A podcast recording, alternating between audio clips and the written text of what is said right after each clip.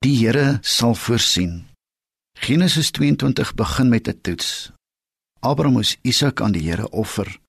Al wat Abraham kon doen was om vas te hou aan die gedagte dat die Here wel sou voorsien.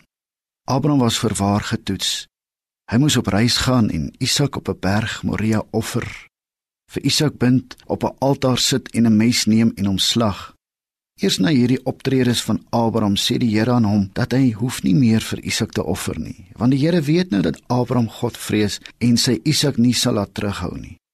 God het ook gesorg dat daar 'n ram op Moria was wie se horings in 'n bos vassteek. Abraham kon die ram as brandoffer in die plek van sy seun offer.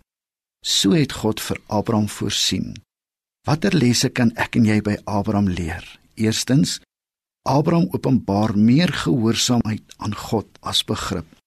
Soms bid ons soos volg: Here, gee vir my asseblief begrip, insig. Ek soek sin binne hierdie verwarrende tyd. Ek dink nie dis verkeerd nie, maar ek dink dit word verkeerd wanneer ons obsessief raak met die goed wat ons nie kan verstaan of kan verduidelik nie. Vir Abraham was dit net belangrik om te glo dat die Here wel sal voorsien. Daar sal dinge in die lewe gebeur wat 'n mens noodwendig nie sal kan verstaan nie. In so 'n geval is dit beter om net gehoorsaam aan God te bly.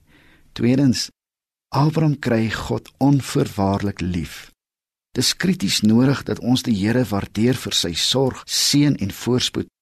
Maar dit is meer belangrik dat ons hom sal aanbid. Ja, hom en nie die gawes of geskenke wat hy gee alleenlik nie. Mag ek jou vanmôre vra, sal jy hom lief hê en aanbid as hy jou seën, jou geskenke en jou gawes dalk van jou wegneem? As God jou enigste beloning is, sal jy nog kies om getrou aan hom te bly?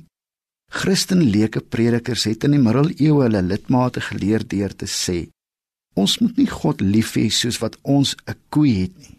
Hoekom nie hierdie mense dan gevra? Dan sal die leuke prediker antwoord deur te sê: 'n Mens het gewoonlik net 'n koe lief vir die voordele wat die koei bied. Byvoorbeeld die melk, die kaas, die heerlike sappige vleis. Dit kan gevaarlik en onverantwoordelik wees om God net te wil lief hê vir die tydelike voordele wat jy daaruit kan put. Paulus sê aan Timoteus dat hy hom van mense moet distansieer wat die evangelie as iets winsgewends beskou. Volgens Paulus is God se saligheid saam met vergenoegdheid 'n groot wins. Geestelike groei vind juis plaas wanneer mense God onvoorwaardelik begin liefkry. God het jou innig lief. Kom ons eer hom daarvoor.